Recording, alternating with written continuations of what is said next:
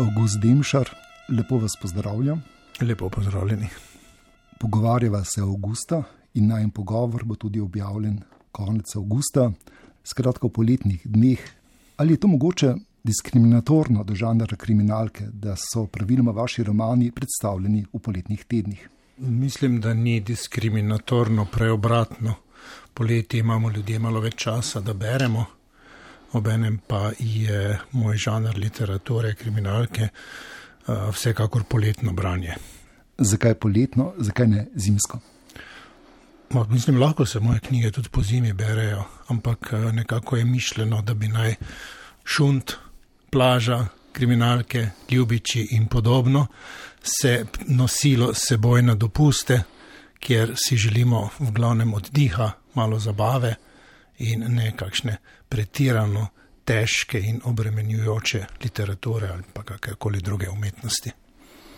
Tega današnjega intervjuja ne bom poskušal uporabiti za to, da bi dokazoval, da ta roman ni v polni meri šunt, bi pa prebral nek stavek, ki je natisnjen v kratkem besedilu na hrbtu knjige, uvodni stavek. In dodajam, da ta tekst ni podpisan. Tekst oziroma stavek gre takole. Tekun je še ena v nizu značilnih demšerjevih kriminalk. Se s to znako strinjate? Ja, se strinjam. Ta zapis na zadnji strani ni podpisan, je pa stvar uh, založbe in urednika, ki je želel pospremiti uh, pač roman za nečim in je precej časa se ukvarjal za to stra, zadnjo stranjo, zaradi tega, ker je pač uh, prepričanje, da ljudje mnogokrat uh, pogledajo platnice, pritegne jih naslovnica in pritegne jih kratek opis, ki je na zadnji strani. Ja, mislim, da je in mislim, da tudi če bo še, oziroma ko bo še kakšna moja naslednja knjiga, da bo več ali manj lahko pospremljene za čisto istim stavkom. Ta stavek berem nekoliko ambivalentno. Nekoliko sem skeptičen do znake, da gre za značilno Demšarevo kriminalko. Namreč zakaj? Kot bralec imam občutek, da iz romana v roman spreminjate značilni tloris svojih kriminalk. In to, kar ste napisali v Tekunu, domnevam, da je to nekaj podobnega prvič napisano, da je zelo zanimivo zasnovan roman. Naprimer, prvo trupo se pojavi nekje na 90, 91 strani, takih novosti je še kar nekaj. In imam občutek, da kot avtor iz romana v roman iščete neke vrste novo zunanjo formo svojih kriminalk.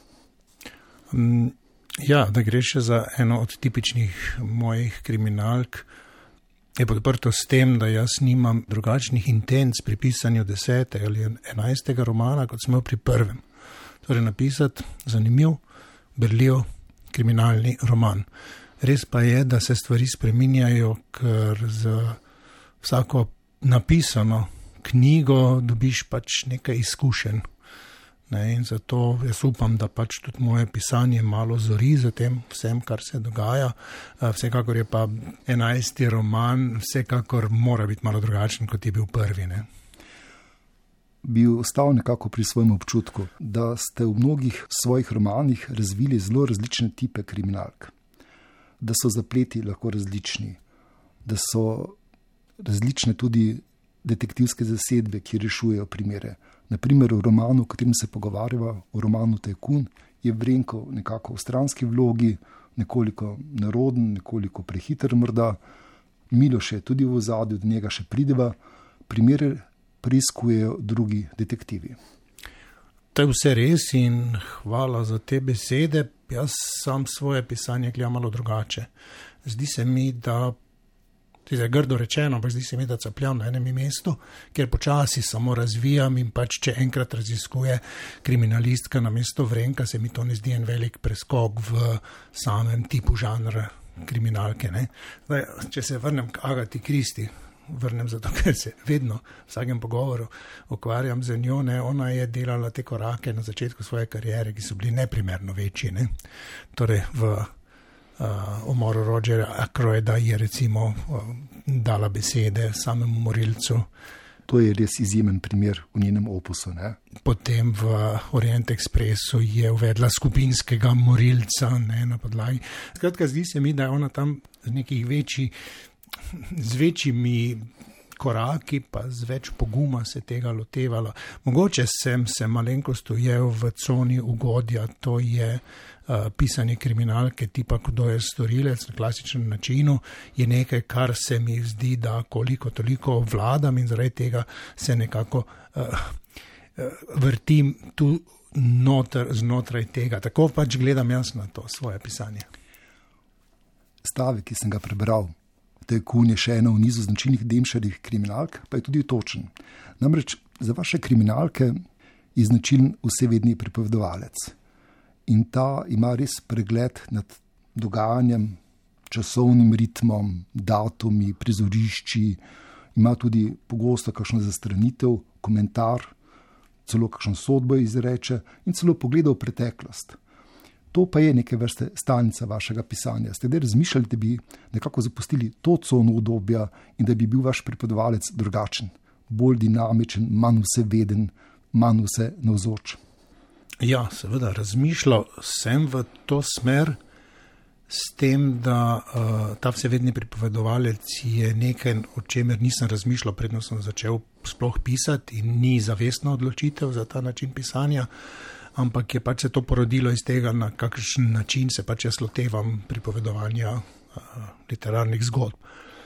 Mogoče bi se poskusil, seveda bi me zanimalo uh, stopiti ven iz te cone ugodja, ampak problem je v tem, da ko začnem pisati, me samo besedilo in samo pripovedanje zgodbe toliko pritegne in toliko prime v svoje okrilje, da ne uspem več razmišljati o tem, na kak način bi pisal in da bi potem uh, se preizkušal v kakih drugih literarnih oblikah. Takrat pač pišem tako, kot pišem, vem, da moram povedati zgodbo in ta vsevedni pripovedovalec je nekaj, kar je pač najverjetneje v meni. In bo ostal v vas? Ne vem, ne vem, pojma nimam. Zelo težko napovedujem karkoli naprej, čeprav kot vse vedni pripovedovalec v knjigah se marsikdaj zelo pameten povem, da se bo to in to zgodilo, da ta in ta ne bo nikoli več tega in tako ne. To je en prijem, drugače pa kar se pa realnosti tiče, pa ne morem obljubiti niti tega, da bom še kdaj karkoli napisal, zdaj že več kot leto dni nisem napisal ničesar, upam pa, da se nekje v zadju kaj nabira. Kot bralec delim vaše upanje. V romanu Tajkun je kar nekaj negativcev. Kako jih izbirate, te svoje negativce, kako jih oblikujete, kako jim nekako pripišete, narišete, naslikate te negativne poteze? Sprašujem tudi zato, ker v neki zelo stranski, stranski vlogi nastopa vratar na televiziji Slovenija.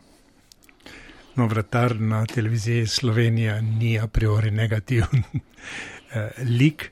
Kar se tiče naslovnega junaka, torej Tajkuna v mojem zadnjem romanu, je pa eno tajkunstvo, uh, se nahaja v mojem žolču že zadnjih 20-25 let, odkar pač spremljamo tranzicijo v Sloveniji. To uh, niso nobeni konkretni posamezniki, ampak skupek množice ljudi, ki posebej nek način razmišljanja, to je razmišljanje, da ti tako ali drugače priborjeno, pridobljeno bogatstvo uh, nudi tudi moč, uh, moč, da odločaš nad ostalimi, občutek, da si nekaj več, občutek, da so ostali nekaj manj in tako naprej. Ne.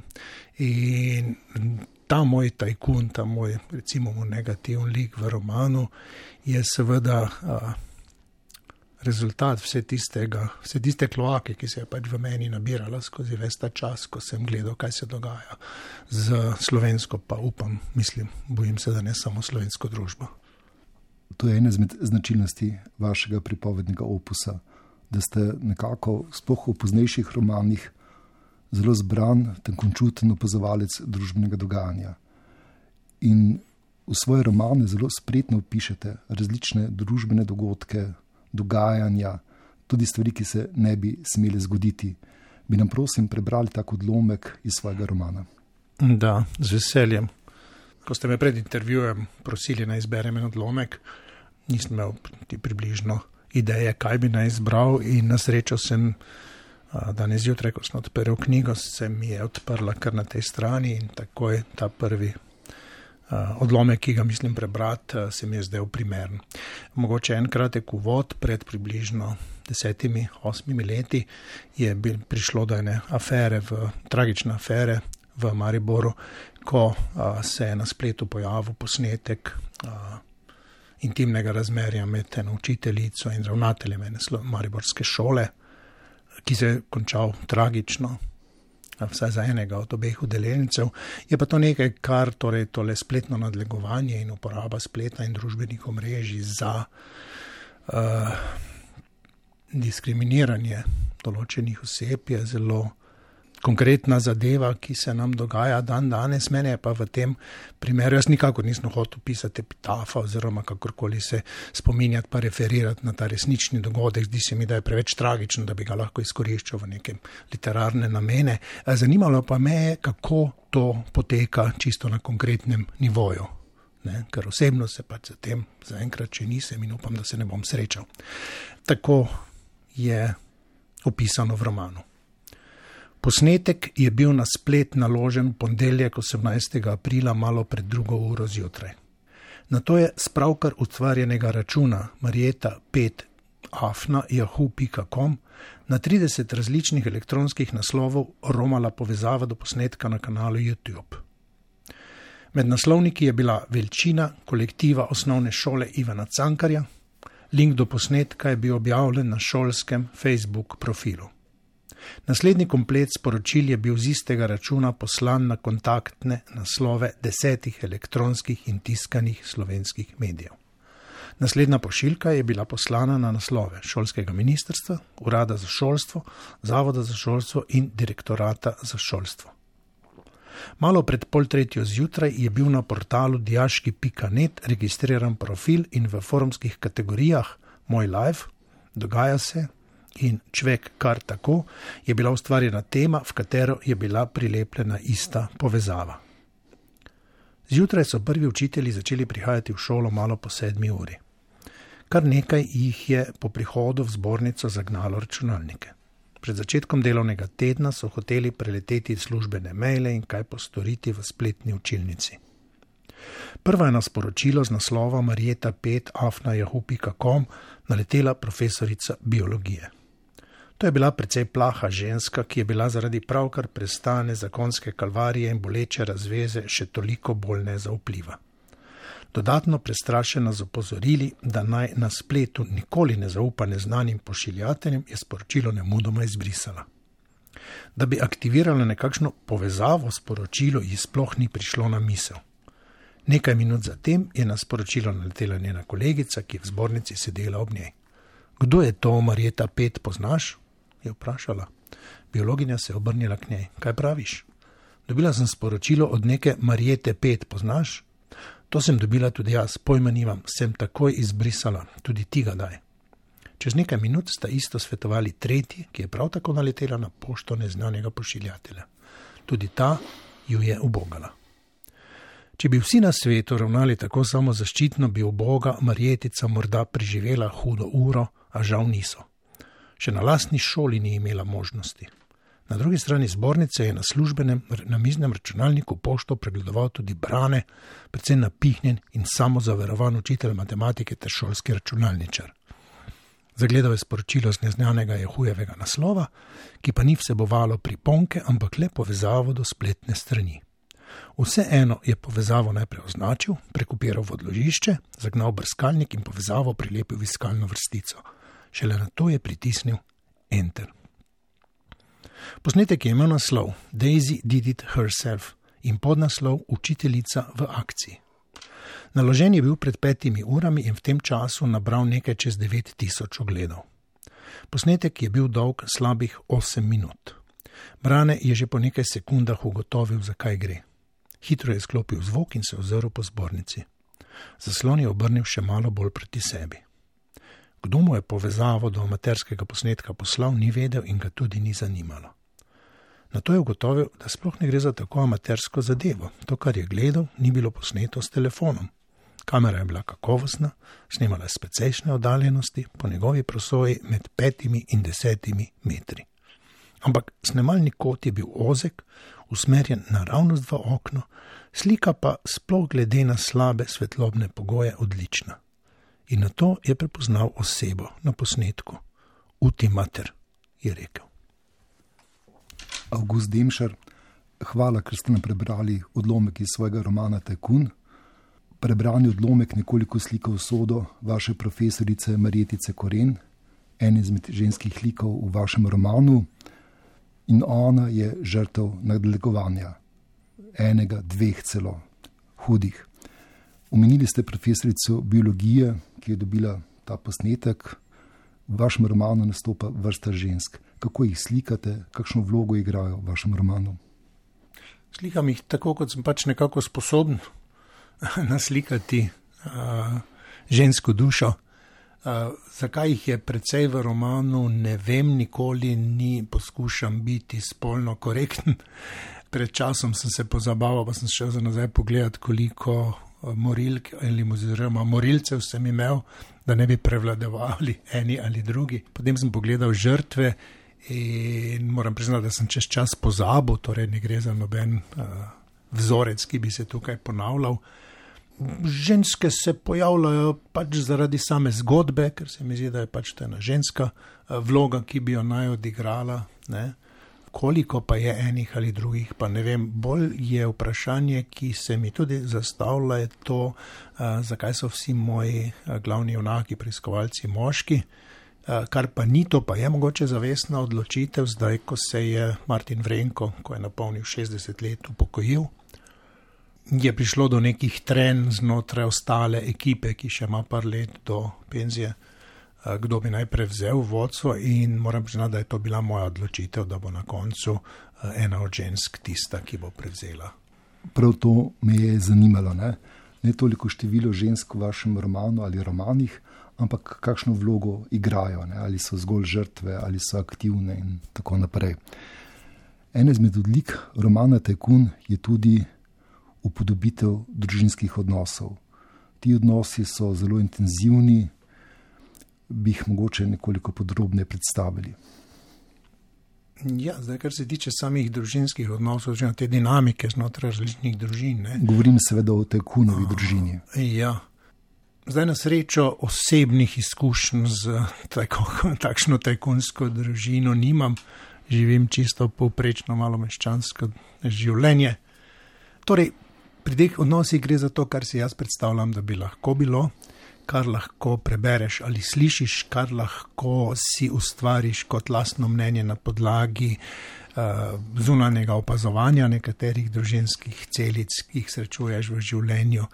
Koliko je pa to zdaj realna podoba nečesa, pa ne vem. Ne. Zdaj, kar se tiče samih kriminal, pa tudi v romanu včasih omenjeno, ne, tu gre za klišeje, tu gre za vzorce, tu gre za osebe, ki so po svoje, pa bi naj bile stereotipne, čeprav odkimavate. Nekoliko bi še ustrajal pri tem svojem vprašanju. V branju tega romana tako, sem imel občutek, da ste prav nekako poudarili te medčloveške odnose. Že na prvi zunanji pogled se to vidi tako, da so poglavja pogosto naslovljena z imeni protagonistov, ki nastopajo v tem in tem poglavju. Skratka, pogosto se pojavite, naprimer, imeni detektiva, detektivke, žrtve, priče in še koga. Skratka, na ta način ste nekako preusmerili pozornost od dogajanja na medčloveške odnose. Vse tako občutek imam. Um, ja, delno je vsekakor to res, je pa tudi res še nekaj drugega. Ne?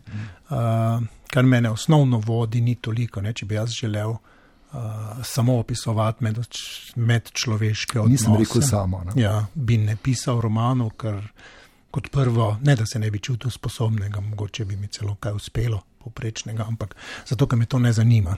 Zanima me pisanje kriminalnih zgodb in pri kriminalni zgodbi je zelo pomembno to, da se na zunaj dogaja nekaj, v zadju se pa dogaja nekaj popolnoma drugega. In ko ti opisuješ določene dogodke se strani ene ali druge osebe, je gre prav, prav tako za to. Torej, jaz vidim realnost drugače, kot jo vidite vi, kot jo vidi nekdo tretji tista prava realnost je pa še bolj skrita od zadaj. Ne? Tako kot eno poglavje, ko se začne z eh, naslovom Vida in potem vidimo, kako je Vida, kako je tajkunova žena dojemala določen del realnosti, se potem pojavi še drugo ime.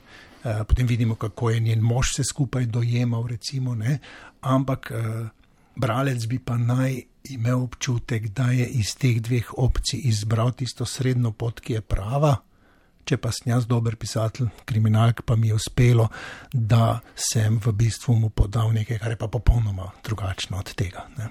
Je to vaš pisateljski užitek? To je največji užitek, ki je možen, vse kar se mene osebno tiče. Ne. Napeljevati na to, da uh, bralec nekaj verjame, ampak da se dogaja nekaj popolnoma drugega. Ne. In če bi to na koncu uspe, ne, je potem tisto za me največja pohvala. Torej, izjava bralca, veš kaj, do konca nisem imel pojma, zakaj gre. Zdaj ste me skoraj povabili, ne povem kot bralec, kakšno izkušnjo sem imel. Moram priznati, da sem nekatere stvari slutil, mogoče s pomočjo psihologije, psihologije lika, nekatere stvari so me pa res presenetile. Roman Tekun je zanimiv, kot sem že omenil, tudi zaradi ritma pripovedi. Zasnova je zelo počasna, pravzaprav se v narekovajih skoraj da nič ne zgodi. Zadnjih sto strani je pa precej intenzivnih.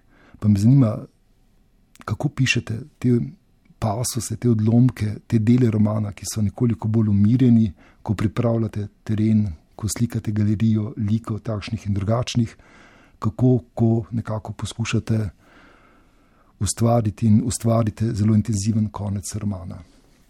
Težko povedati, ker če zdaj ozrem nazaj na to, kako pišem, ne, uh, mi ostaja samo občutek, da gre za čisto intuitivno delo, da sedem in začnem pripovedovati zgodbo, ampak to začnem v tistem trenutku, ko čutim, da imam uh, stvar v sebi razčiščeno in potem samo sedim in govorim. Govorim o tem, kaj bi se, oziroma pišem o tem, kaj bi se naj dogajalo in na kakšen način. Da bi se z dramaturgijo pa z dinamiko, pa s tempom samega romana, literarnega besedila, kdaj ukvarjal, uh, moram priznati, da tega ne počnem. Uh, res pa, da berem svoje tekste, da prebiram poglavja, da nekako začutim, kdaj bi morala sama pripoved se malo pohitriti, kdaj bi se moralo malo več zgoditi, kdaj imam čas za kaj. Uh, tega pri literaturi ne delam. Tudi ko berem literaturo, zavestno tega ne spremljam in ne seciram res je pa nekaj drugega. Seciram pa eno drugo vejo umetnosti. Torej, to pa počnem pri filmih in televizijskih serijah, seveda pri uh, žanru trilerja, kriminalke in krimi serijah. Ne. Tam pa res počnem to zavestno. Zdaj, trenutno se že tri dni ukvarjam z klasiko, z uh, Pelikanovim poročilom in gledam, kako mojstersko je Alan J. Pakula uh, napisal najprej scenarij in na to tudi režijo. Ne mogoče ima to malo vpliva na to, kako pišem, ampak nikoli ne neposredno, pa nikoli ne zavestno. Zadnje strani, zadnjih 10-50 strani se dogaja bistveno hitreje kot uvodna tretjina. Recimo. Ja, seveda, v določenem trenutku začutiš, ne zato, ker si pač že toliko nekega špeha napisal do takrat, ampak zato, ker je toliko niti zdaj se pripovednih niti steklo toliko blizu skupaj, da jih je zdaj pa skrajni čas povezati. Ne. Še vedno, ne. Kadar se mi ustavi kot pisatelj, stopim in grem na drugo stran pisalne mize in na svoj tekst pogledam kot bralec. Kot bralec, ki že celo življenje z navdušenjem prebira krimiče in vem, kaj bi želel jaz prebrati, ko bi prišel v nekem romanu do te točke. Ne, v tem trenutku pa ne bi želel prebirati še naslednjih pet strani, kjer bi se razčiščevali odnosi med enim in drugim, ampak je zdaj čas, da mi jasno in glasno nekdo pove, zakaj gre. Priznam, sem vas poslušal, hkrati sem pa tudi nekoliko premišljal, kaj naj vas še vprašam v preostalih nekaj minutah. In sem se pravzaprav res spomnil, da je v tem romanu vrsta ranjenih, prizadetih žensk, ki imajo zelo težko usodo. To se mi zdi pravzaprav značilnost tega romana. Da so lahko moški zelo nasilni, da so pa ženske tiste, ki so bodi si rekel, žrtve, bodi si nosilke neke akcije, pravičnosti. Možno, ampak tudi to ni bil moj namen pri pisanju romanov.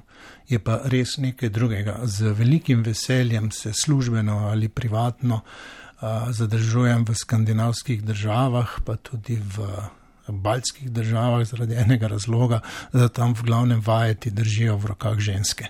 In čutite razliko. In čutim razliko in mi je to blazno všeč. Mogoče kje je kakšen primer, kje čutite razliko? Mislim, da v osnovnem načinu razmišljanja, v osnovnem pristopu do reševanja problemov in podobnega. Ne na zadnje pa z mojega stališča tudi zato ker raje komuniciram z nasprotnim spolom, kot pa z biti okrožen samimi moškimi. Če ostaneva še za hip, za minutko pri tej tematiki, ker je zanimiva tudi za slovensko družbo, ki je precej drugačna kot so skandinavske. Kje vidite to razliko, ko ženske nekako urejajo, vodijo zadeve, rešujejo probleme? Kaj je tista ključna razlika? Kaj je tisto, kar nam manjka? Ne vem, težko bi se zdaj spuščal ta, ta nivo. Mm -hmm. uh, lahko bolj hudomušno povem, da Prosim, ja. vidim v parlamentu rdeče čevlje, kot pa temno modre, pa sive obleke. Zelo lep odgovor in upam, da bo ta odgovor nekako krožil po mrežjih, tako kot še kaj drugega pozitivnega. Vrniva se še zadnjič k vaši kriminalki, k vašemu romanu Tekun. Občutek imam tudi, da pišete zelo nekako vizualno, da so stvari vidne, nekako da so nazorne, utepljive. Se te razsežnosti nekako zavedate, jo zavestno razvijate, pišete svojo nadaljevanko ali A, film. Tega se, tega se zavedam. Jaz sem po osnovni izobrazbi likovni pedagog, oziroma likovnik, likovnost je moja stroka od začetka. Tudi ko sem šel študirati, sem se odločil za ta del. Zdaj pri pisanju, da sem začel na uh, pota literature, je nekaj, kar je še mene samega presenetilo takrat pred 15 in več leti. Uh, res pa je, da vizualno uh, ne da vidim svoje like, vidim pa zgradbo zgodbe in vse ostalo. Ne? Ko pišem, ima, sem obkrožen z velikimi formati papirja, kjer imam uh, časovne poščice, uh, diagrame, sociograme in vse ostalo. Ne? Stvari moram videti konkretno, da si jih potem lažje predstavljam. To so ti notranji elementi vaše kriminalke. Kaj pa ti zunani, posebno zunani, da je pravzaprav lahko briljiva tudi kot neke vrste film, kot neke vrste niz podob. Mm, najverjetneje je res. Ne. Ena stvar je že to, da se dogajajo stvari v Mariboru. Uh, to je seveda okolje, ki ga zelo dobro poznam, se že vse življenje hodim in gledam iste fasade, iste stvari in zaradi tega uh, jih tudi lažje opišem. Opisujem jih ne zato, da bi jih opisoval, ne zato, da je postalo kakršen koli spolnik mesto ali čemorkoli drugemu, ampak ker se mi zdi, da pač za kriminalko, v kriminalko sodi, da je to ena od značilnosti žanra, da določene stvari, določeni fakti, določena dejstva držijo da morajo biti takšni, kot so v resnici, ne da ni tu polja za fantazijo, mistiko in karkoli ostalega. August Demšar, hvala za vašo kriminalko, tajkun in hvala za pogovor. Hvala tudi vam za povabilo.